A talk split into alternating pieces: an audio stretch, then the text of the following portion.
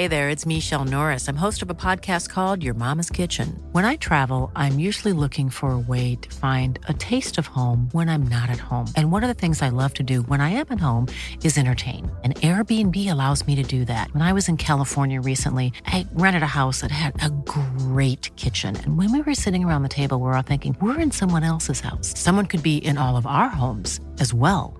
If you have a home, but you're not always at home, you have an Airbnb. Your home might be worth more than you think. Find out how much at airbnb.com/slash host.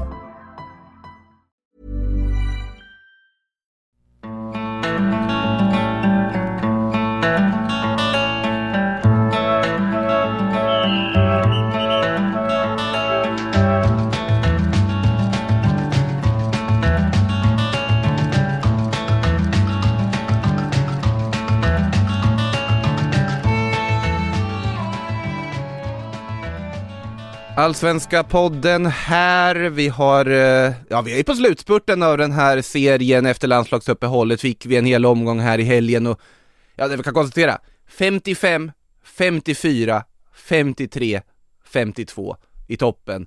Fyra högsta lagen, en poäng ifrån varandra, två omgångar kvar. Ja, det är ju högdramatiskt med andra ord. Makoto Asara heter jag, jag har sedvanligt med mig Hugo Månsson och Josip Ladan i studion. Hur är läget med er?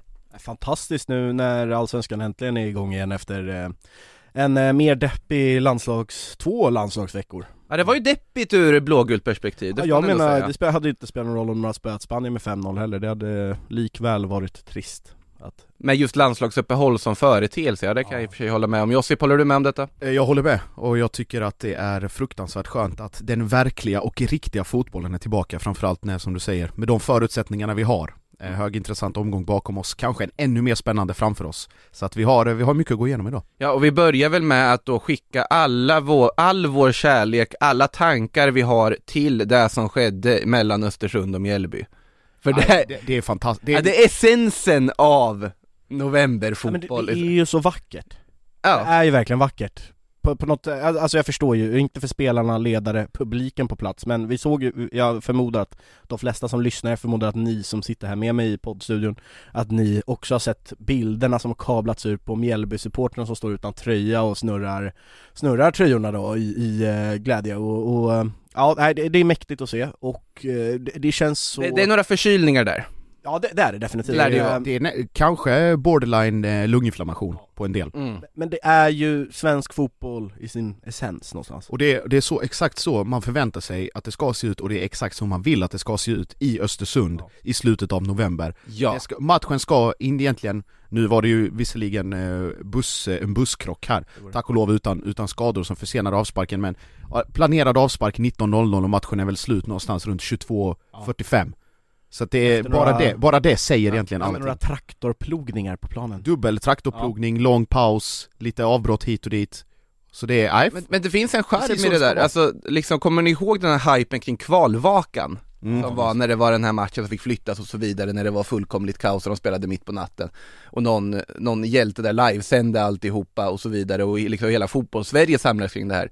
Nu var det inte riktigt samma nivå på det här såklart, men fortfarande, det finns någonting alldeles speciellt med här, typiskt nordiska väderförhållanden och ja, stö stökigheter i samband med en match som det var i det här fallet och och sen bara på det, Jakob Bergström, jag har varit lite på att han kanske liksom är allt för medveten om sin egen liksom eh, underhållningsvärde stundtals intervjuer, men ja, det är ju fruktansvärt underhållande att lyssna på honom oavsett eh, efter den här matchen också, det passar ju, personifierar ju den här matchen och ha hans röst också eftersom konstaterar att ja, vi kommer väl få någon tråkig wok med ris på vägen hem, som vi alltid får, men att det var liksom, ja, Ja men det förtjänar han ju en wok med ris, Ja eller ja, kanske till och med två Ja, kanske till och med två. Ja, ja ändå en 2-0 seger, Mm. tuff bortamatch Tråkig lång resa för Mjällby som ändå får, ja det är nästan en 3-4 dagars eh, utflykt som de får göra Det är ju ett projekt. Det är ett projekt, Det det är ett det projekt att verkligen ta sig dit, så är det ju. Och eh, samtidigt 2-0, man är egentligen helt, ja. Helt eh, bortkopplade från men- ångesten nere runt kvalstrecket Kan slappna av, Östersund hade ingenting att spela för Mjällby åker dit, gör jobbet och, och åker hem och kan, kan ta det lite lugnt, får säkert någon dag någon dag ledigt nu när man kommer hem också så det är bara, eh, bara positiva Sen, saker. sen kan man ju för sig fundera på varför de skulle behöva bryta när 20 minuter kvar och börja skotta igen i det här läget. Bara låt dem spela klart. Nej. Du tycker Nej. att det är rätt? Ja, varför inte bara dra ut på underhållningen vi fick ändå se? Ja, jag, nej jag skojar, skämt åsido. Det, det, det, det hade de mycket väl kunnat göra. Men eh, nej men det, jag gillade det, jag, jag fastnade där. Eh, det blev ju alldeles perfekt. Ni vet ju den där ångesten nästan man har när tre matcher buntas ihop vid samma tidpunkt och så, ja kan, visst man kan Man vill på, egentligen se alla ja, tre, och man kan men... dra på trippelskärm och allt möjligt för att se men man vill ju verkligen fokusera på en match i taget och nu blev det ju förstås då eh, Norrköping, Djurgården primärt och sen så var det ju då alldeles passande att eh, direkt efter så kan man bara knappa över till och se eh, nästan hela matchen av, eh, av Östersund Men vadå, utifrån den aura du utspeglar här inne så är det väl inte så självklart att du sitter och kollar Norrköping-Djurgården först? Med tanke på finsmakar eh, Exakt. nu, nu, nu var ju inte ÖSK Kalmar så jäkla het faktiskt Eh, Nej, men vadå, då är det ju Östersund-Mjällby. Det är väl finsmakarvalet i det här sammanhanget? Ja, det är ju det jag menar, det är därför jag kunde se den och det är därför jag är så väldigt nöjd idag Starkt. Ja, vi, vi kommer in på det där med vad det innebar för tabellen. Vi kan konstatera att Mjällby är säkra och eh, liksom inte behöver tänka på det. Finns, finns det väl någon form av matematisk möjlighet fortfarande va? Att de kan ryka, men det är väl, det beror ju på vilka som ska möta vilka och sånt. Jag har faktiskt inte det rakt i huvudet ska jag ärligt talat säga. Eh, men oavsett, ja, de är ju klara för att, klart, klara nytt kontrakt i och med den här segern. Där kan vi med i alla fall 99,9999% säkerhet konstatera. Yes. Ja, de har sex poängs differens mot Degerfors ännu. Och så är det lite målskillnad och lite lag emellan och så vidare. Ja, det är inte lite målskillnad utan det är 25 mål som skiljer Exakt. Ja. Men det, det, det, är, det är en sak att bli klar på det sättet och en sak att bli klar på pappret matematiskt. Ja, jo, vi får Eh. se om Degerfors eh, extrem offensiv. De har ju en vass trio där uppe, kan lösa det där. Mm. I alla fall, Mjällby klara för Allsvenskan nästa år, välförtjänt sett till eh, de enorma toppar det här laget har visat. Men vi kommer in på det som har hänt där nere, för det vart ju lite mer avgjort i kvalstriden. Men vi ska ju börja med guldstriden som jag öppnade avsnittet med och vi kan väl egentligen börja då i Norrköping, där Djurgården gör en alldeles strålande match. De gör en match där man stundtals spelar ut IFK Norrköping, man läser av IFK Norrköping ganska enkelt. Det är Samuel Adegbenro som ja, fortsätter att glimra. Levi är också vass så fort han är involverad i spelet. Mm. Eh, Ishak är, ser också fin ut, men eh, annars var ju liksom Djurgården, de, de eh, ligger ju tryggt och väntar på det. Fransson och Mike Sema för, för dagen på innermittfältet eh, kan ju gå runt med bollen där och Djurgården kommer ju och hugger liksom. De, det, det, kändes inte, det kändes inte som att Norrköping hade någon riktig idé i speluppbyggnaden. Vad, vad de liksom, de kunde rulla runt bland mittbackar, upp på mittfältare, men sen så visste de inte riktigt vad man skulle gå vidare därefter. Och Djurgården hade läst det väldigt bra. Och den, den liksom tendensen de har sett i ett Norrköping-lag förut. Det här, intressanta här är ju den hyperoffensiva elva som Rickard Norling kastar ut här med en Janne Hellström, mustaschprydd, Totte Nyman tillbaka från skada och allting på topp, Levi, Adegbenro, Karl Björk som wingback igen, Ishak som ju egentligen är liksom en central mittfältare och lite mer offensivt lagd. I hans spetsegenskaper som wingback. Och sen Mike Sema som ju oftast är en av de tre där framme där han får chansen på ett innermittfält. Det är väl det som förvånar dem mest, att Mike Sema placeras på innermittfältet. Karl Björk har ju vikarierat. Jo absolut, men det är ju, det är ju en forward i grunden. Jo, jo absolut. absolut. Och extremt offensivt präglat lag och samtidigt får man inte ta, eller man ska inte ta någonting ifrån eh, Djurgården här som jag tycker gör en av sina bästa matcher rent spelmässigt på väldigt länge. Verkligen. Ett Verkligen. superfall framåt och även om man inte får med sig tre poäng den här gången, visst man försöker lite grann i slutet ha någon så här semi-anstormning, tycker det är nästan lite anmärkningsvärt att eh, Magnus Eriksson tappar ehm, plötsligt tappar den kvaliteten han har på fasta situationer och den känsligheten han har i foten. Att han inte egentligen, trots att man har flera, fi, flera fina lägen, framförallt sista 10-15, att han inte ens lyckas få över bollen, över första gubben i, i Norrköpingsförsvaret. Något märkligt kan tyckas. Lite hängande huvuden också på Djurgårdsspelarna efter, efter slutsignalen, många som satte sig ner i mattan och kände väl ganska stor frustration. Men samtidigt, om man bara tittar spelet och ska titta på, på den aspekten, så ett jättefall framåt och säkert någonting man kommer ta med sig. Nu har man Varberg hemma i nästa, ut, kommer vara troligtvis publikrekord också för, för Djurgården. Eh, på Tele2 med tanke på hur biljettförsäljningen ser ut. Så, och allt att vinna i guldstriden. Så nu är det bara att fokusera på sig själv då och titta framåt. Men med utifrån ett spelmässigt perspektiv väldigt mycket att ta med sig. Men det, det, du är verkligen inne på någonting där och det, det, man har inte sett det här Djurgården sen, ja men de såg ut som Djurgården i våras. Bara det att målen nu saknades. Ja och då, typiskt nog så är det ju Kalle Holmberg då som såklart gör målet. Eh, Och men- såklart han gör det mot IFK Norrköping också. Ja, det var ju precis. skrivet i stjärnorna. Och det, man förstår ju Alltså man såg att han var glad att göra mål om vi säger så, mot sin gamla klubb. Men det var ju inte för att det var mot gamla klubb, utan det var väl det som snarare höll ner målfienden från att liksom, Precis. ja, Han, bara helt balla ur. han vill nog tysta tvivlarna. Det har varit mycket snack. Det finns många, många som vill tysta många tvivlare. Så Vi kommer till det sen. Eh, nej men eh, i övrigt så, så Djurgården gör en strålande bortamatch mot ett eh, tufft Norrköping som, ja jag tror att Rickard Norlings tanke var liksom, verkligen nu ska vi ja, storma framåt, vi ska liksom skölja över Djurgården. Lyckades inte alls med det utan Djurgården, ja första, vad var det, 20 minuterna tycker jag Norrköping öppnade starkt. Sen, eh, sen tar Djurgården över mycket och riktigt bra sån här också, allsvensk senhöstmatch, tuff, intensiv, lite smågrinig stundtals också. Eh, och sen den här, liksom kulissen med det här liksom, Mm. man ser hur kallt det verkligen är. Mm. Och inramningen runt om, att det är en ganska liksom rå miljö som man liksom förmedlas där genom tv-bilderna. Jag tycker det var en, det där också, om, samtidigt som Östersund-Mjällby var liksom ett väldigt fint kvitto på det, det som är allsvenskan en senhöst, så tycker jag även att den här matchen i Norrköping är det Mm. på. Kanske mer spelkvalitativt vis också. Mm. Men det är klart Djurgården känner sig besvikna nu när de hade allting i egna händer. Eh, nog för att det är en jäkla tuff bortamatch mot Norrköping men, men det är klart att det är deppiga spelare efteråt Mm. när, när Malmö har tappat poäng och Djurgården hade chansen att verkligen eh, sätta sig i förarsätet. Eh, I övrigt vill jag bara avslutningsvis en hyllning här nu i, från den här matchen. Hampus Findells Nej, nej inte till någon spelförståelse, okej, ja, han var vä- väldigt, det, alltså, det, det, är också, alltså ja, det är så snyggt ja, jag. där. Släpper- Men, men nej, till eh, Mohamed Al-Hakim Mm. som gör en strålande match och det, det är det här som är det Verkligen. typiska problemet att vi sitter bara och pratar om eh, domarnas fel när det är dåligt nu. Igår, det är ju det är knappt ett enda ingripande eller nå- något beslut som man ens ifrågasätter. Han lägger också en nivå Ja, som gör att det tillåts Ja, ett bra, precis. tufft, bra, intensivt Precis. spel och han liksom lägger den ganska tydligt och alla vet vad det är som gäller. Inget gnäll och det, det är Och låter, kanon. låter spelarna diktera liksom tempot och hårdheten och Mm. liksom intensiteten i, i matchen. Och det är ju liksom, när du gör det som domare också så blir det liksom någon form av automatisk ömsesidig respekt att du behöver inte in och peta i varje situation, du behöver liksom inte, hur ska jag säga, uppfostra spelarna efter varje avblåsning och leka, eller så här, visa liksom överpedagogiska Mm. gester. Dra, håll, håll nivån högt, dra gränsen när den behöver dras och sen så får spelet flyta på liksom av sig självt. Också en sista grej när vi pratar om Djurgården innan vi går vidare.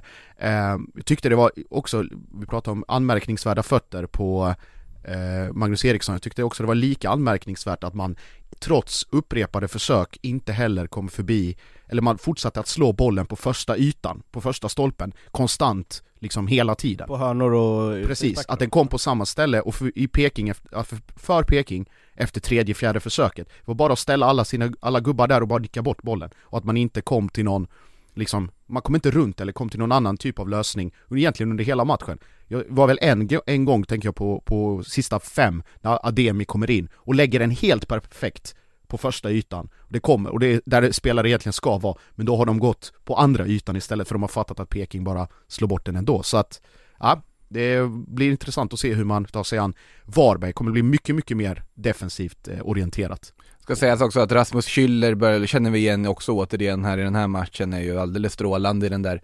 balansrollen på mittfältet och ja, Framförallt när Norrköpings, eh, en stor del av Norrköpings framgångsrecept eller som de vill spela, eller vill liksom ta sig an framgång är ju att sätta en extremt intensiv och hög press på motståndarna. Och då är ju en balansspelare som är så klok som Schüller väsentlig för, för Djurgården och helt Ja. eh, vital egentligen, hur han löser det där. Tillsammans med Magnus Eriksson och eh, Hampus Findell som är så mobila och flexibla och det, det liksom, de, de, de, står, de är inte så förutsägbara som centrala mittfältare ofta kan vara utan de rör sig hela tiden.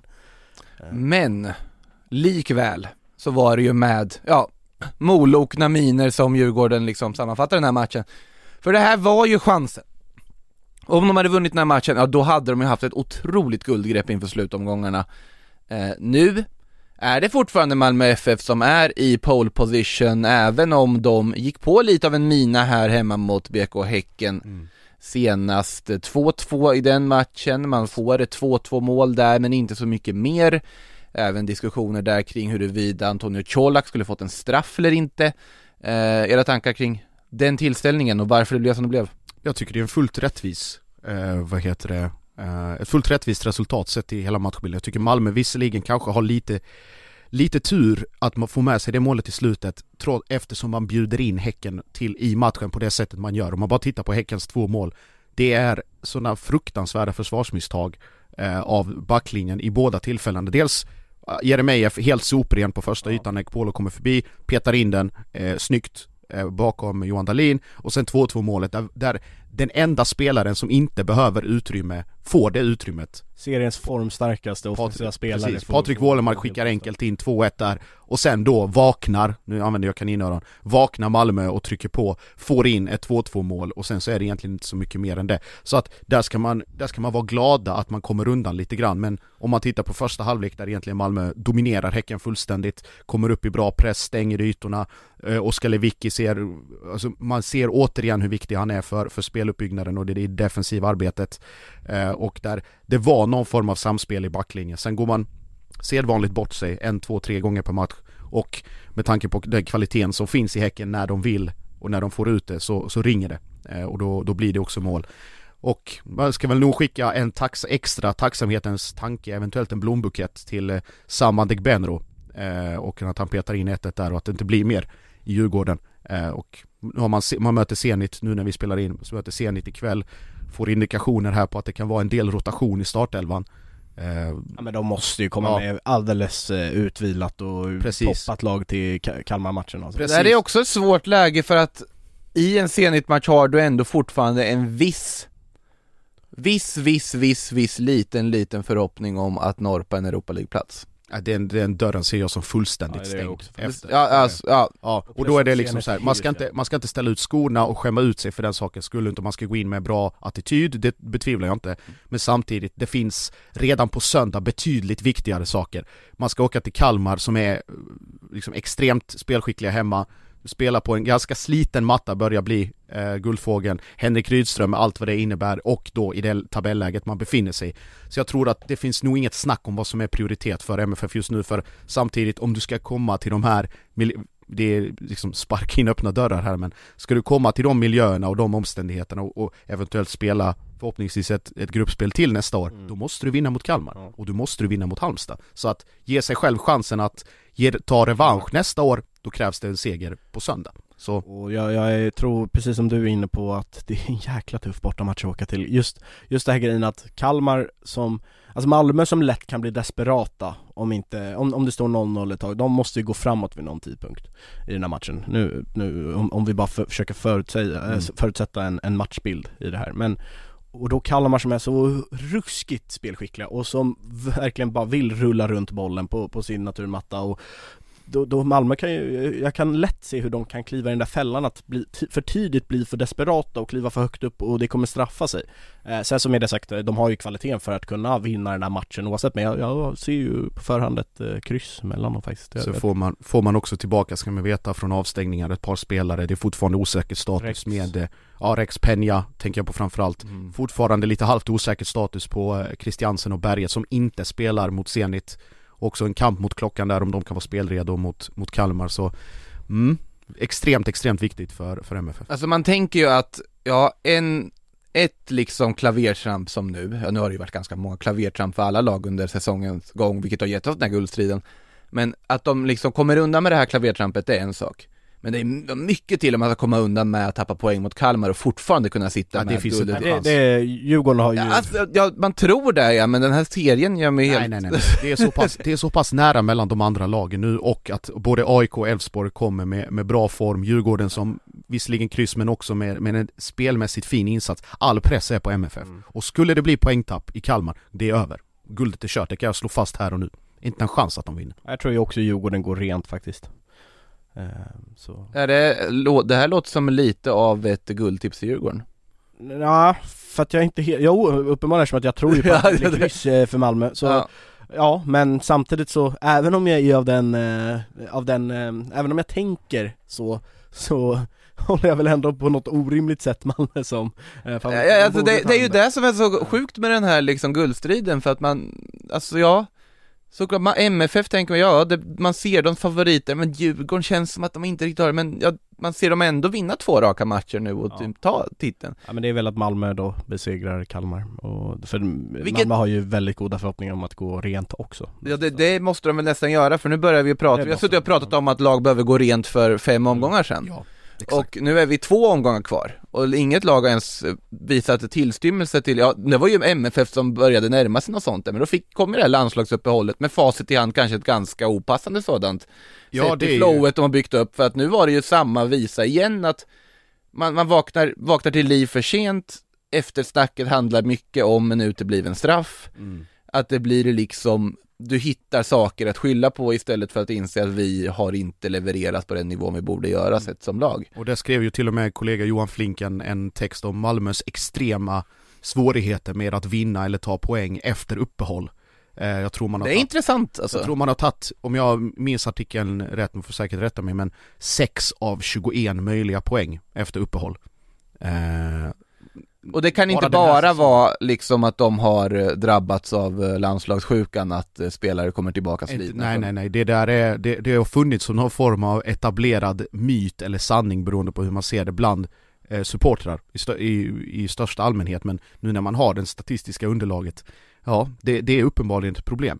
Visst, det kan vara, alltså det beror på motstånd också såklart, det är ju lättare att få med sig en trea om du möter ett, ett lag på nedre halvan än om du möter en direkt toppkonkurrent i, Är det det nu då, i år? Ja, i år. Prat, ja, det är ju det. Men sen, sen pratar vi också att, Halmstad, Mjällby Ja, jag håller med. Varberg. sen Jag finns håller ju med. också aspekten att ofta så liksom, efter ett landslagsuppehåll så kommer det oftast en helgmatch, följt av en Europamatch. Och där har vi också en aspekt som kan spela in i att det finns sån statistik att Europamatchen har alltid legat där och puttrat några dagar efter liksom återstarten efter ett landslagsuppehåll. Men likväl så är det ju, oavsett vad statistiken exakt är då, eh, så är det ju ändå skrämmande att det ser ut som det gör efter ett landslagsuppehåll. Mm. Ja, det, det, är, det, det är ett direkt underbetyg faktiskt. Återstår att se om MFF då ändå kan lyckas ta det där SM-guldet som de tippats göra inför säsongen av de flesta ändå. Eh, trots att man har gått på lite plumpar här och där. Eh, AIK har inte gett upp sina gulddrömmar ännu, tar tre tunga poäng borta mot Varberg, en 0 seger där. En match där mycket av efterspelet handlade kring eh, Sebastian Larssons avstängning och ilska för att han då tycker att hans tolfte gula kort för säsongen inte skulle rendera till en avstängning i den näst sista omgången. Oerhört tröttsamt. Eh, oer, oerhört tröttsamt. Diskussionen som sådan, ja, utan tvekan. Och Alltså allt, om, om, om man vill få en till en förändring på det här eh, avstängningsregeln, ja men ta den debatten och gör det högljutt och dra igång den mellan säsongerna. Det är så förutsägbart att det alltid ha- blir så här i omgång 25 till 30. Varenda år, alltid ett lag där uppe i toppen som tappar en nyckelspelare och då tar man, passar man på att ta upp den där grejen. Ja men gör det, ta ett jävla krafttag och ta upp det där nu efter säsongen så kanske det blir en förändring om du nu Ja, och- verkligen vill det, men det är ju liksom samma förutsättningar för alla lag. Ja, och då ska vi också ha grundproblem, jag ser inte problematiken i regeln som den är nu. Nej, Att du, du har samlat ihop dina kort och du får en avstängning. Spelar väl ingen roll, alla matcher i en 30 matchers serie är lika viktiga. Precis, och, och då är ju vissas retorik och motargument att ja men kolla Premier League eller andra toppligor som där det är fem kort eh, som, som gäller för Där avstängning. kan man Men- diskutera. Ja fast Det då är det ju också sak. fler matcher på, per säsong. De har ju 38, Absolut. har 30, så att alltså varför skulle inte tre, nu, om man nu, för mig spelar det ingen roll, det kvittar. Man kan ha tre eller fem matcher, men oavsett, ta den diskussionen och ta den frågan och få till en förändring mellan säsongerna. Det blir så förutsägbart och löjligt när det händer i slutet av säsongen när matcherna är på, på sin spets och eh, man tappar en nyckelspelare och i det här fallet dessutom när Sebastian Larsson har 12 gula kort. Snack? Alltså, Han har igen. 12 Det hade varit gula. en sak om man hade plockat ett gult kort i omgång två, ett i omgång fem och sen så nu, det tredje i, i omgång, Omgång 27, 27, ja. 28 Och då gnälla, ja, det, det kan väl, som jag tror det var Kristoffer Olsson som var i något liknande skede 2018 där Man kan förstå en frustration och det ska Ja. ju sägas här också så här att Alltså jag är ju i alla fall i det skrået som uppskattar Sebastian Larssons enorma vinnarskalle och hans jag förmo- ja, Jag- hans Jag är liksom inte trött på Sebastian Larsson, det är Nej. inte han jag, jag Nej, nej, nej, det det här händer samma sak varje år oavsett vilket lag det är. Det är därför, det är det, Exakt. retorik Det är viktigt att poängtera att det gäller även här liksom, att man älskar den inställningen som han har. Men att börja ta upp det här med 12 gula kort. Utan det tolfte, varför får jag en avstängning för att, nej, så, nej, kom igen nu. Nej, däremot, jag, jag håller med er båda i sak, alltså det, just att det återkommer, att det är liksom ett återkommande fenomen varje år och det är alltid olika personer som yttrar sig. Absolut, väldigt tröttsamt. Samtidigt så har Sebastian Larsson en poäng i det han säger att det är generellt sett, eller det har generellt sett blivit väldigt mycket enklare att få varningar i serien. Det är väldigt liksom, och det, då kommer... Det är en annan diskussion. Det är en annan diskussion. Vi ska inte gå in i den här fällan om, om slentriangnäll på, på domarna, men det menar, vad, vad jag tror att han menar och vad jag själv har sett och liksom av alla matcher man har sett, det varierar så ofantligt mycket i bedömning. Ja det finns ju inget, alltså det, Det, det finns ingen liksom konsekvens. konsekvens Nej. vad som, är, vad som är bestraffningsbart och inte och att alla tolkar regelboken på Och sin sen håller jag med om att olika matchernas dignitet be, alltså varierar ju i Precis. kortbedömningen också sådär, Absolut. Sam, och jag har sett vissa aik skriver att ja men det här ska inte vara gult kort eller han har plockat, han har fått för enkla gula kort Ja. ja. säsong, jo men han har också sluppit undan några ganska Exakt. g- eh, givna gula Och sen, kort och sen är det ju också så att vissa spelare har lättare att få gula kort. Ja. För att vissa spelare har ett visst rykte om sig som de har mer eller mindre förtjänat beroende på vem man tittar på liksom. Mm. Som gör att domarna kommer att titta närmare på de här spelarna. Och det är ju helt uppenbart, du kan inte förändra det för det är liksom en allmän liksom Ja såklart om du skulle vara domare själv och du vet att Sebastian Larsson är på plan Såklart du håller ögon på honom för du vet att han kommer ta varje medel som finns för att hans lag ska vinna matchen Det är väl lite samma sak som med Simon Strand i Mm, Ja, ja men det är exakt samma, Samma... Christiansen i Malmö, det finns Ja. hundra olika exempel. exakt Men gre- grejen är också, då, då, precis som du säger Hugo, att då, här, då måste det här påverkansarbetet ske mellan, eller inför säsong och då vara i en, ett samråd och en diskussion med domarna. Att liksom att vi, att, nu pratar Sebastian Larsson i den här intervjun om att vi sätter oss inför säsongen och vi pratar och sen vad ska bedömningen Och gå? ingen vill lyssna säger ingen vill eller- lyssna. Då må, tjata ännu mer, Ja. prata en, eller skrik ännu Ja, högre. Men eftersom att det verkar vara väldigt många klubbar som tänker så här, eller i alla fall i toppskiktet Eftersom att man har hört det här Mm. väldigt många gånger så Dra med dem då så Ja, kan ni ju Det tillsammans om, göra och om det här var ett alarmerande problem som vi har haft och det här Ja, det är någonting som det. alla klubbar tycker är ett problem Ja då hade vi nog haft en debatt om det off-season Ja, Mm. precis Men Grejen är, det ska man också lägga till, vi, le, vi lever och verkar och bor i ett land där saker ofta tar väldigt lång tid rent byråkratimässigt Mm. och diskussionsmässigt. Vi kan prata om en sak i flera år och sen så kommer vi fram till att det kanske är bättre att ta det om några år igen. Vi kan ta det här diskussionen om det svenska transferfönstret till exempel. När ska det öppna? eller Det- stänga? det är Där också är väl en klass. klubban inte ens enade i Nej, exakt. frågan va? Nej, nej, är jag, tar det, jag tar det bara som exempel att det är diskussioner som återkommer, alltså eh, transferfönstret, ska vi spela höst-vår? Och liksom, det enda man kommer fram till är att man inte kommer fram till någonting Men om vi ska ta det i den här diskussionen, det här borde vara väldigt, väldigt mycket enklare att, att lösa och framförallt att ta upp på ett, i ett forum och i ett sammanhang där man samlar alla de här liksom inblandade parterna Jag, jag ser inte problemet i, i liksom att få ha någon form av regelverk eller yttre ram eller bedömnings, liksom, hur ska jag säga, bedömnings eh, eh, ram, eh, någonting åt det hållet att man vet, okej men är det uppenbara liksom armbåge eller sådana saker, det finns redan. Mm. Men det är också så här, var ska genomsnittsdomaren dra sin bedömning? Och då kommer vi tillbaka. i Men här, liksom. får jag bara lyfta en sak? Nu Ja. säger inte Sebastian Larsson det i den här intervjun som dessutom nu, nu, nu går vi hårt åt vad Larsson säger här, det han säger affekt efter eh, segern mot Varberg ja. inför toppmötet mot Elfsborg, jag förstår honom, det är väl samma sak som när vi ändå nyanserade Simon Strands ilska efter att han blev utvisad Samma sak. Det är liksom det, det man, man får ändå ha förståelse för att spelarna i det här läget bryr sig och, och väldigt mycket och, och, ja, eh, och att det sägs i affekt Ja. Eh, men eh, nu säger han inte det här ordagrant eller jag vet inte ens om det är liksom kontexten av det hela men man har ju hört folk som säger då att ja, men man kan ha det här med att eh, varningar kan eh, raderas un- eh, i eh, Ja. mitten av säsongen, att det ska...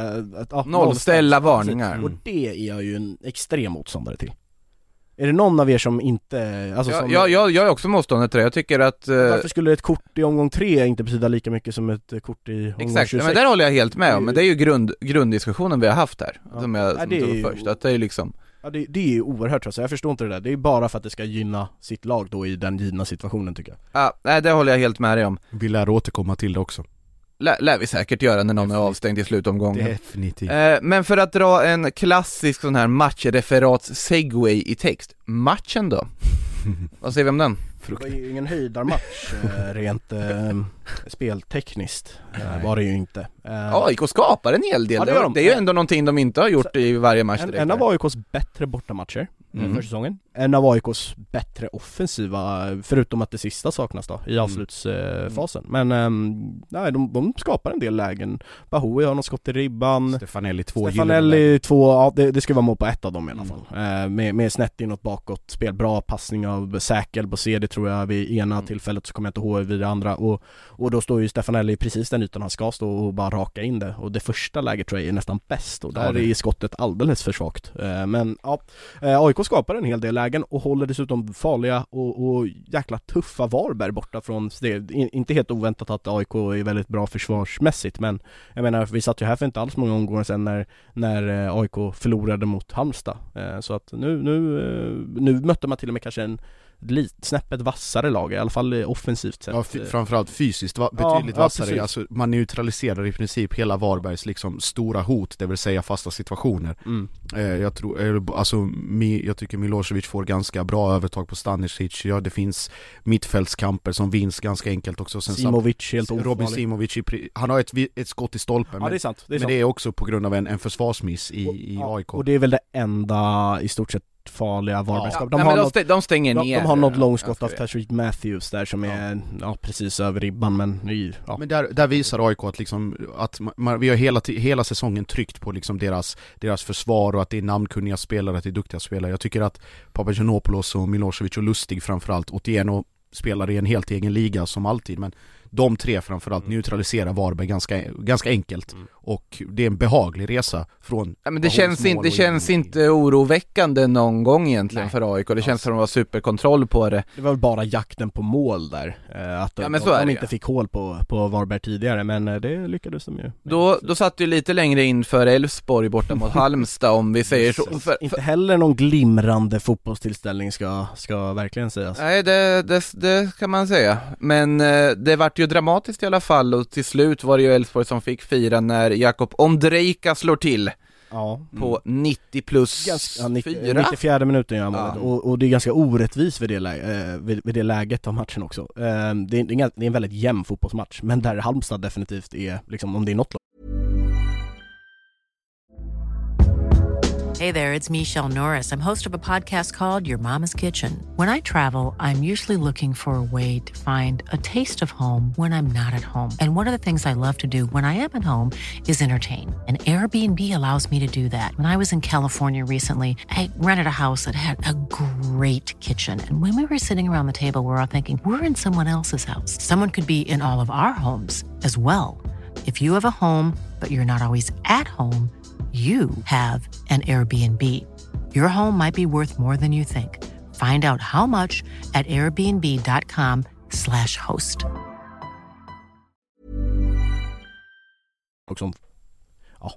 Okej, man ska inte vara på förtjänar så här. men om det är något lag jag hade när jag tittar matchen, om det är något lag som jag verkligen trodde och som skapar chanserna för att vinna matchen i, framförallt i andra halvlek, så är det ju definitivt Halmstad som har ja, något kanondubbelläge där i andra halvlek tror jag när de plus först en straff. Ja men eh, Sadat Karim skjuter väl ribban, ja just det, straffräddning, Samuel, Samuel Kron blir fälld och tar straffen Ja, själv och ja, Rönning gör en monsterräddning. Ja precis, och sen så har de ju ett, eh, Sadat Karim vänder upp i straffområdet, skjuter ribban på returen så, eh, vem det nu var, om det var Tott Wikström eller vem det var, eh, som, som skjuter och tvingar Rönning till en rejäl eh, kvalificerad räddning. Eh, så att det, Halmstad har de skapar ju flest och bäst lägen i andra halvlek. Mm. och så kommer Elfsborg över tilläggstiden eh, kontrar Jakob Ondrejka dr- trixlar, trixar sig får framåt trocklar, trocklar sig fram genom ett så, så okaraktäristiskt Kalmar också att de, de av alla låter en spelare gå och att de försvarar så dåligt i det läget av en Ja, match. han där får- varenda poäng är så viktig och de har varit så lysande försvarsmässigt hela säsongen. Och så får han liksom gå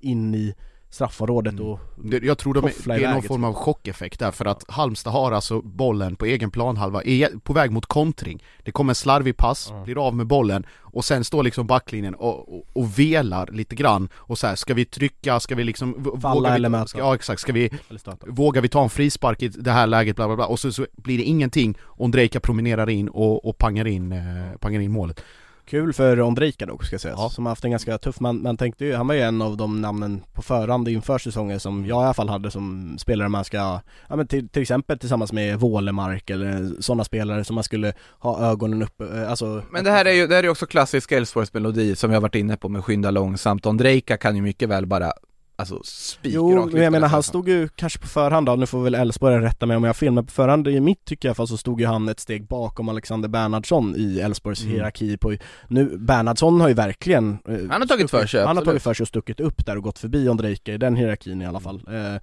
med, Medan Ondrejka Men Bernhardsson är också fyra år äldre, Och väldigt skadebenägen tyvärr dessvärre. mm. Jo. Nej. men Ondrejka med, med hade, han plockades ändå in i konkurrens med andra ganska stora klubbar i Sverige för, för några Ja, år sedan och, Och jag får, jag får direkt Jesper Karlsson-vibbar Ja, men det är ju alltså- det, att alltså när han lyfter sen, Nej, att det, det, bara kom, det kan komma när som helst. Ja. och Jesper Karlsson vet vi hur det såg ut de två första åren.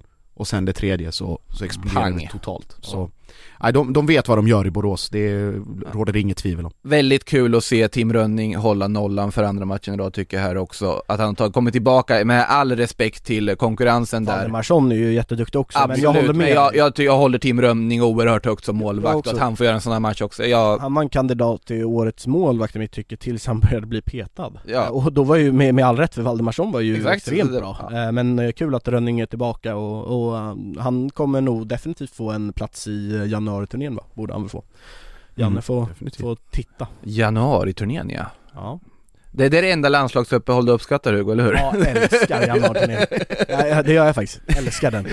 Bara massa fina allsvenska spelare, ja kanske någon sån här Championship-gubbe också men ja. De får ju inte rö- röra sig, det är väl bara nordiska Ja just det, det är gränserna ja, som okej. gäller Ja och men Joel. Andersson från Danmark och så här, lite, lite skandinaviska goa gubbar och, och så, allsvenska. så länge de åker till eh, någorlunda politiskt försvarbara platser för att Ja, bedriva Algarve är det ju Algarve det, det, det känns ju som en sån, sån plats. Det är ju perfekt ju Otroligt trevligt så, så vid den tiden på året också, kan jag meddela. ja, Och så massa Eh, fina allsvenska Ja. spelare Ja.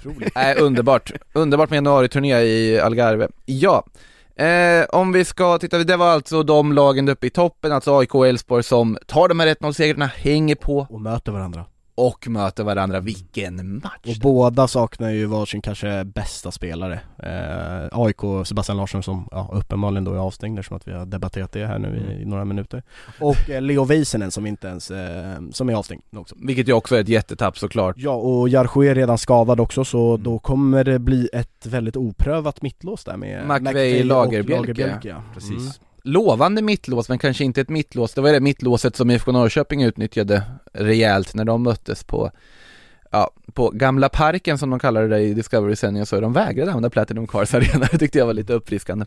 Eh, I alla fall, men Elfsborg som sagt mot AIK hemma, otroligt spännande match som väntar i nästa omgång där ett av de lagen, eller kanske båda, kommer att hängas av från guldstriden helt och hållet med största sannolikhet. mm, hänger, Ännu värre om de hänger av varandra Ja med ett kryss Ja, Kryss. Mm. därav ett av dem eller båda två. Smart Så är det. Smart.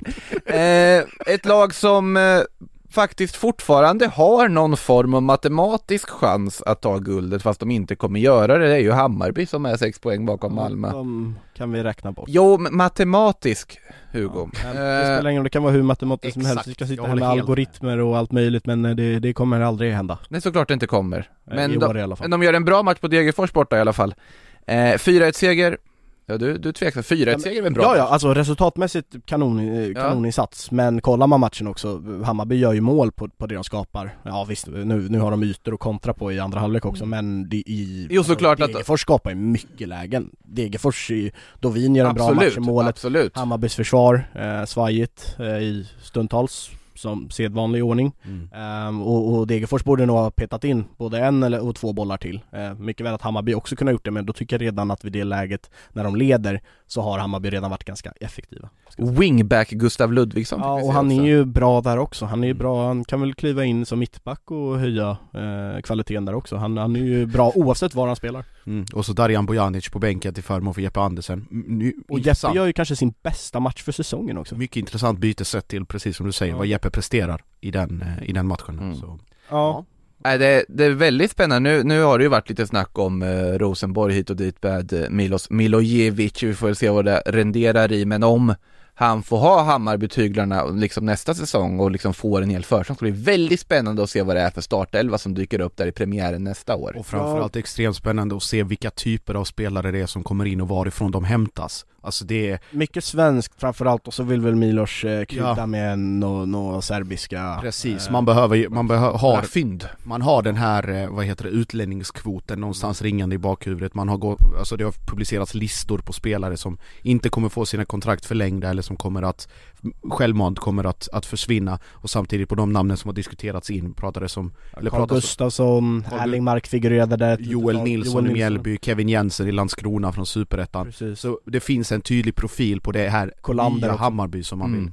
Man vill skapa. Precis, Alltså, och då samtidigt som man också blir av med Paulinho, eh, Ackham, eh, mest troligt Rodic och Osted. Osted ja precis, men man har väl öppnat för att göra sig av med Jeppe Andersen också, i alla fall ryckt binden ja, från honom Magyar också för Magyar, oklart. Ja men han är ju hemma Ja. eh, Ja, det, ja precis. Och, och Aziz Ouattara liksom. kommer nästa säsong att bli egenfostrad spelare tror jag också så att de, eh, upp, de det, det blir ju lite ljusare läge för, Mm. för Hammarby nästa år i truppbygget eh, Nej men sen får vi se vem det är som tränar dem som sagt, men det är ju en helt, Ja annan, precis en helt annan diskussion. Alltså, En annan spelare som eh, utmärkte sig i den här matchen mot Degerfors också för typ första gången sedan han faktiskt återvände är Björn Paulsen som gör en strålande insats Mm. eh, Ett plus ett. Dominant Ja, ett plus ett Ja. och är verkligen, han är bra i försvarsspelet men eh, framförallt gör det han ska göra i offensivt, Den i där- offensiv väg De där sambatakterna när han fixade straffen var sällan skådat av en eh, mittback kan jag Ja. säga.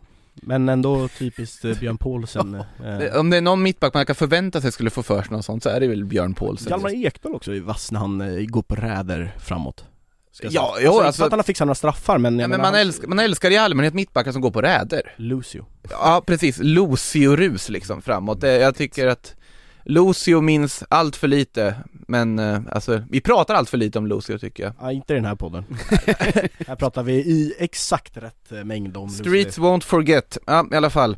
Eh, Degerfors eh, gör ju reduceringsmål här som Viktor Edvardsen gör och det var efter hyschar Ja, firandet. och, och det blev ju omdebatterat. Det diskuterades. Men vad, vad jag nu såg igår i alla fall var teorier om att han hyschade för att spiken eh, ropade mål Edvardsen 1-4 i, ja 85 typ eller vad det är Och att då Edvardsen hyschar mot honom att eh, lägga Och vad håller du på med? Ja men typ lite som när Agom Mehmeti gör eh, mål eh, Ah, ja, just det. i 90 Ah.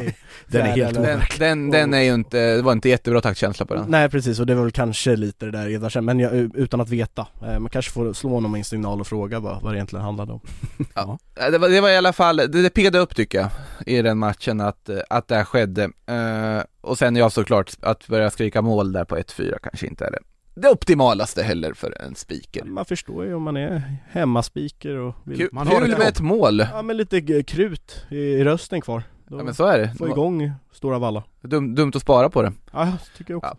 Eh, spikern på Studan fick eh, många anledningar att ropa mål, för det vart ett hela sex stycken. Det var bara tre av dem som man kanske ropade euforiskt till då, men det var ju 3-3 mellan Sirius och IFK Göteborg. Eh, Adam Hellborg, tvåmålsskytt, bara en sån sak. Ja, väldigt, eh väldigt, eh, vad ska man säga, väldigt tydlig matchbild och två väldigt tydliga matchplaner. Sirius som alltid vill föra spelet och rulla runt och tråka ut motståndarna i stort sett och bara rulla runt och rulla runt och till slut Tråka ut mot. Ja men de, de, eh, de, lite Kalmar så här, de vill vara modern, mycket possession-spel och sådär och, och Göteborg som ligger, försöker ligga rätt och kontra så fort de eh, bryter. Och då, då, det gjorde båda lagen på sina sätt väldigt bra också ska sägas. Även om det inte var någon toppklass eh, kvalitetsmässigt på, på matchen i sig, det var lite slarv i passningsspelet sådär men ehm, Göteborg lyckas ju jättebra med, med sitt kontringsspel i första halvlek eh, och Sirius eh, kommer tillbaka med framförallt med hjälp av, eh, ja men du, du sa Hellborg men den jag kanske tycker är bäst i Sirius eh, i matchen är ju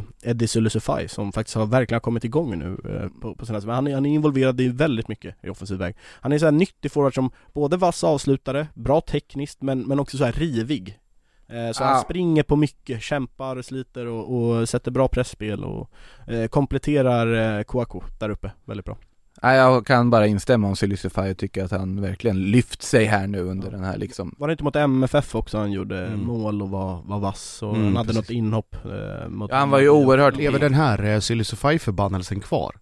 eh, Nej Eller för den de bröts. vann väl eh, mot, eh, Var det när han hade gjort mål? Ja, det, varje, Precis, varje match han gör mål.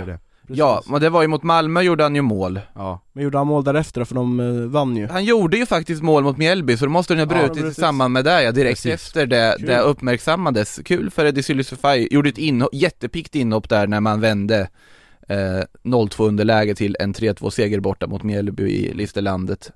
När Adam Ståhl gjorde två mål, många så här udda tvåmålsskyttar som dyker upp i Sirius tröjor här på sista tiden. Offensiv verkar i alla fall funka, jag tänker när vi ändå är där så har vi ju ett visst tränarnamn som sitter på den bänken, Daniel Bäckström som har kopplat samman med visst vakant eh, jobb på förbundet, nämligen U21. den som U21 förbundskapten efter att Poya Asbaghi då har gått till Barnsley och England. Men visst har han dementerat det också ganska kraftigt? I någon egen eh, tv-intervju på Sirius Där han eh, till och med ordagrant sa 'Jag ska ingenstans' Nej precis. Mm. Men gått- samtidigt om U21-landslaget och om det liksom intresset är på riktigt. Jo men om man säger, det är tydligare om vi säger så att Milos Milojevic i Hammarby Han dementerar ju inte riktigt Rosenborg, han säger jag är Hammarby-tränare, eh, nog så typ. Medans, eh, det, det är ganska tydligt att jag ska ingenstans Nej, så är det. Men, ja, Det men- kan ju också, ja, man vet aldrig, det är spel, spel. för, Ja, spel för är det. gallerierna Men vad, vad jag tänkte komma till är ju också, skulle Bäckström landa det jobbet Så pratar vi defini, definitivt rätt man på rätt plats Verkligen. Alltså Verkligen. alla parametrar Spelarutveckling, relation med, med spelare, taktiskt kunnig, tydlig spelidé Analyt Analytisk, få med sig gruppen socialt, alla de aspekterna Och vi ska komma ihåg att när Jan Andersson tränade IFK Norrköping så var det, det var då Daniel Bäckström också var ansvarig för IF Sylvia en period. Precis Om jag inte har blandat ihop åren lite och att det var under Jens Gustafsson, men jag tror inte att det var det. Eh, de, de faller ihop lite de där åren Mm. där runt efter guldet. Men i alla fall, mm. eh, så att det finns ju också den kopplingen. Att Mm. det, och där jobbade ju Sylvia på det här sättet, liksom just talangfostran. Det är ju det Mm. som liksom var hans grund där. Och som U21 förbundskapten, om förbundet tittar på hans namn som ett av alternativen förstår man verkligen varför, om vi säger så. Precis, och då Det finns ju många andra kandidater också ska jag säga, Stefan Billborn vore ju konstigt om han inte lyfte sin sån Vi har väl en viss Jens Gustafsson också, ledig. Ja men är han sugen på U21 då? Är frågan Han har ju varit där i den svängen Mm. tidigare Ja och det har ju Ja. Stefan Billborn också men som Precis. någon hjälptränare, assisterande Mm. tränarroll och, och han känns ju också ganska liknande profil, nu är ju visserligen Bäckström yngre mm. än Stefan Men Stefan har ju desto mer erfarenhet av att träna eh, på, på högsta svenska nivå Mm. eh, Men båda de är ju väldigt eh, Det är ju jättebra kandidater också Och liksom. då diskussioner, skulle då Bäckström lämna Sirius? Ja, då kommer vi ju in på vem, vem blir aktuell för Sirius? B- Milos i, i Bayern också om man skulle lämna Då finns det plötsligt eh, Stefan Billborn, Jens Gustafsson Vitor Gasimba. Andre, Vitor Gas- Vitor Gasim Andreas, Bräns, eller Andreas Brännström, icke att förglömma Så att det finns ju en del tränare som är lediga på marknaden Om det skulle bli Sirius, Bayern eller ett, ett annat tredje fjärdelag, det återstår att se Brännström känns väl inte heller som ett dumt alternativ för ett U21-landslag heller. Nej jag tycker inte inte? det heller faktiskt Utan tvekan också. Det finns, det finns bra kandidater kan man väl konstatera i alla Många fall. lediga Han samtidigt känns väl mer som en Ganska klubblagstränare va? Vad sa du? Brännström känns väl mer som en klubblagstränare va? Kanske i nuläget ja, absolut Mm. Men eh, som sagt, någonstans måste du börja om du ändå vill in på landslagsspåret och testa det. Det är ju om inte annat en erfarenhet att få liksom jobba med den typen av talanger och liksom svensk fotbolls framtid som det är man Mm. ska- förvalta och förädla som U21 förbundskapten. Eh, ska bli väldigt spännande att se vem de anställer till den posten. Eh, det är faktiskt en match vi inte har avhandlat i det här avsnittet och jag tycker vi avhandlar den och det är Örebro-Kalmar. Eh, Snark Ja, Ja, det är ju det är ju därför vi inte avhandlat den än, Mm. så ska ju sägas. Men eh, Kalmar FF kan vi konstatera fortsätter se bra ut. Oliver Berg fortsätter fortsätter, se bra. ut. Jag tycker... Romario fortsätter ja, se bra. jag vill ju skicka en liksom tanke till Romario också som varit med i de här alla jobbiga åren. Inte bara det utan att den här säsongen nu när Rydström har tagit Ja. över och han, han är liksom under alla tränare så har Romario alltid varit given på det centrala mittfältet Nu år kollar man, och han har liksom smugit under radarn, Rydström har fått mycket beröm, Fröling delvis, Ja. eh, Oliver Berg jättemycket Bröderna Ring Ja, bröderna Ring, eh, ja men eh, Piotr Johansson, Carl Gustafsson, ja precis, det är många som Ska har vi fått gå igenom hela truppen? Ja, men det, det är många som har fått beröm. Eh, men Romario har ju liksom legat lite där i skymundan. Men kollar du statistik, eh, känns det nu är jag tillbaka där i statistik, men, men jag, jag var inne bara nyfiken, till exempel 12 fotboll, eh, eh, en statistiktjänst och, och även om man är inne på Sofascores eh, så, här, så ser man index över eh, spelares prestation över säsongen. Och Romario ligger ju skyhögt där uppe, han är ju med i absoluta toppen. Nu ska det också sägas och tilläggas att de här tjänsterna ofta premierar bollskickliga spelare som har bollen väldigt mycket och som får slå Mm. ganska lätta passningar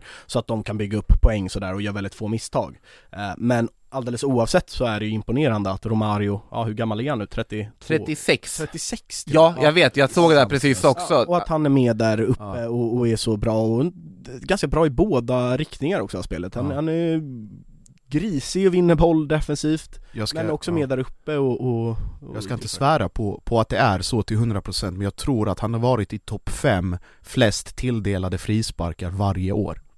Alltså att han vinner, att han ja, får, Det låter inte han omöjligt får extremt mycket frisparkar med sig. För att han, väldigt lik Magnus Eriksson i det avseendet att han liksom står rätt och när han väl ramlar så är det tydligt liksom att man går på kropp istället för Kontakt. boll. Du, du tvingas att plocka honom på oschyssta metoder Precis, och göra det när man är 36 bast på den nivån och att Kalmar ligger där de ligger Det är inget annat än hatten av Nej, varit i klubben sedan 2013, har Mm. spelat två, över 270 matcher för klubben. Det, det är en, alltså nu, nutida klubbikon i Kalmar FF, så långt vill jag sträcka mig. Som också varit med när det har varit, när det har blåst hårt, när det har varit de här kvalmatcherna. Sen, det- det som är emot är väl att han inte riktigt är den här tydliga ledaren och han, han pratar inte fläckfri svenska eller syns ofta i, i medier liksom. Det, det är inte Ska ju vara en klubbikon ändå. Jo, jo absolut, rent på planen, absolut, Mm. men det, det är väl kanske därför jag menar att eh, det är emot att han inte nämns oftare som det med, med Och att det finns en väldigt stark doft av elm över hela Nanne, Rydström, det är den cirkeln som liksom går runt hela tiden. Nej, men Romario ska lyftas för det han har gjort för Kalmar FF genom åren utan tvekan och fortfarande gör för Kalmar FF. Fick dessutom bli målskytt i den här matchen då mot Ahmed Yassin, Örebro. sitt första mål sen han kom tillbaka, han har man nästan Mm. glömt, men han kom ju i den där vevan när de eh, när Örebro värvade för att eh, klara sig kvar. Eh, och har väl knappt ens spelat va, men eh, nu gör han mål, firar. Och supportrarna såg jag också fira där det var ändå lite halvroligt, hitta, glä- hitta något glädjeämne i, i mörkret Onekligen fint att de fick eh, fira. Jag ser att min statistiktjänst har fortfarande Vitor Kasimba som tränare för Örebro. Det var, Ja, den kanske, kanske ska byta livescore-tjänst. Ja. Mm. I alla fall, det var det och vi har ju alltså då den näst sista omgången som stundar till helgen. Malmö FF ska ju möta Zenit Sankt Petersburg här i Champions League innan, det, innan då de möter detta Kalmar FF borta på Guldfågeln Arena. Eh, ja, guldstriden och de matcherna, det har vi ju varit inne på där att vi, vi har lite frågetecken kring Malmö FF vad de kan åstadkomma borta mot Kalmar. Vi känner oss ganska säkra på vad Djurgården borde åstadkomma hemma mot Varberg. Men de känns så pålitliga på något sätt Jo men är det något pålitligt här då? I ja, den här serien? Djurgården skulle jag Djurgården säga på det. hemmaplan Ja, Djurgården på hemmaplan och Djurgården, ja jag skulle även säga bortaplan delvis också mot Jo, Häcken som ja. inte har någonting Ja, alltså all logik talar för att Djurgården vinner komfortabelt i den här Ja, matchen, absolut. Och att Häcken nu i sista omgången, eh, att det ser ut som att det blir ett Mm. eh, arenaflytt från Bravida till eh, Ullevi eh, Den- med 40 000 eh, maxkapacitet för att framförallt av polisiära skäl och även för att Häcken inte, Häckens damlag har Champions League-match mot Bayern München fyra dagar efter vilket då Ah, om det skulle bli ett guldfirande för Djurgården så skulle det äventyra konstgräsmattan där så att där finns ju en rimlighet i sånt fall att det är för att liksom skydda den mattan till en match som är betydligt mycket viktigare för den föreningen än vad den där avslutande matchen på säsongen är i, på här sidan. och ekonomiska uppsidan också i att flytta matchen ta del av, av eh, biljettintäkterna 40 000, ja, där Djurgården säkerligen lär Sen, sen, resa kan man, ner. sen kan man ju alltid diskutera att eh, göra sådana liksom otro, stora förändringar baserat på risken för, alltså risken för rena lagbrott som det ändå är. Men nu sen liksom att ja, förstöra hela gräsmattan efter en liksom guld, sen kommer de att göra det ändå, absolut. Mm. Och, det, och så vidare med planstormning och allt, allt som det innebär. Men ja, samtidigt, är det, man känner inte säga att det är helt ändå klockrent, eller? Ja, jag ryser i hela kroppen av bara tanken. Det, det är, jag, jag, lika mycket som jag, som jag liksom blir, hur ska jag säga, irriterad över att man ens, ens tar idén. Jag förstår alla parametrar, jag förstår att man har viktiga matcher. Men, och Häcken inte har egentligen någonting att spela för, kontraktet är säkrat och så vidare. Men det blir liksom till syvende och sist att det handlar om pengarna. Jag förstår Häcken att man vill ha säkra någon form av ekonomisk vinning. Fast man det handlar väl inte bara om pengarna? Låt mig få avsluta. Eh, Man kommer, det, det kommer till det för att man har missat, eller man har eh, tappat intäkter från två inställda Gothia Cup i rad. Häcken är extremt beroende av de pengarna. Man har visserligen Wålemark som någon form av guldkall som man förväntar sig ett x antal miljoner för.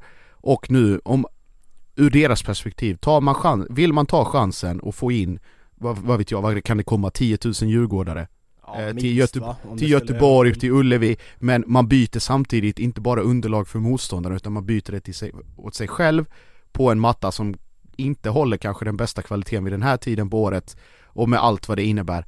Eh, jag vet inte, det, det känns som att man ska spela en match hemma och en match borta i den här serien under normala omständigheter och så ska det vara så i omgång Oavsett om det är omgång 5 eller omgång 30 Jag- håller helt med dig i sak, bara det att jag tror inte att det är riktigt Häckens vilja heller utan nu, nu ser de nog en ekonomisk uppsida i det hela, absolut, men det får nog vara reserv, alltså en faktor, bakomliggande faktor för att Mm. eh, enligt uppgifter i Sportbladet så ska det i första hand, han- eh, hand handla om eh, en polisiär, eh, polisiära önskemål med att det, Bravida är för tätt och det skulle vara för mycket djurgårdare på plats och, och Det skulle bli för svårt att hålla dem på läktaren Ja, i, Att den ligger där den ligger mitt i ett bostadsområde och, det är och- också- och- trafik och allting med, ja, jag och, förstår och det sen även gräs, alltså eh, konstgräsmattan och Champions League-match för, för Alltså Häcken, det, eh, den aspekten just att det ska vara en väldigt, väldigt viktig Champions League-match som spelas på den planen bara några dagar Mm. efter.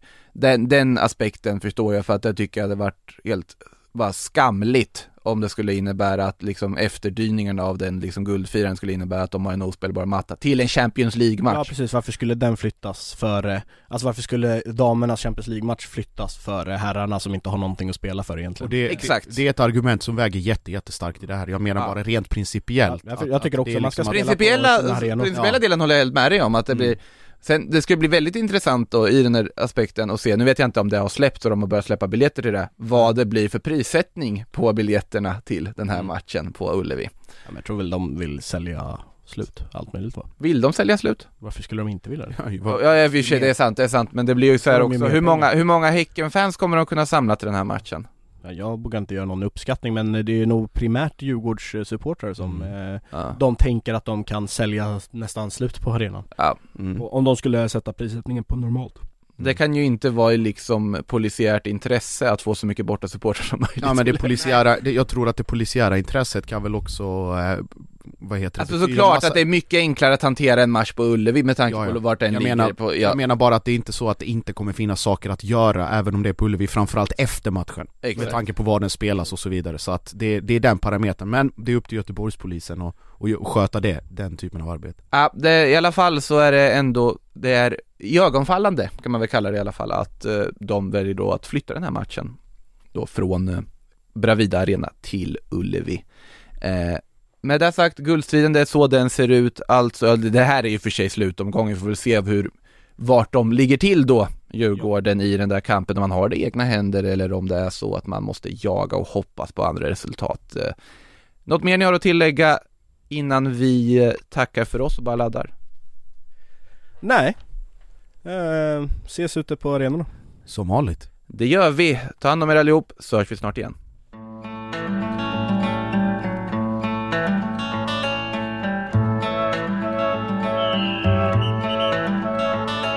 Du har lyssnat på en podcast från Aftonbladet. Ansvarig utgivare är Lena K Samuelsson.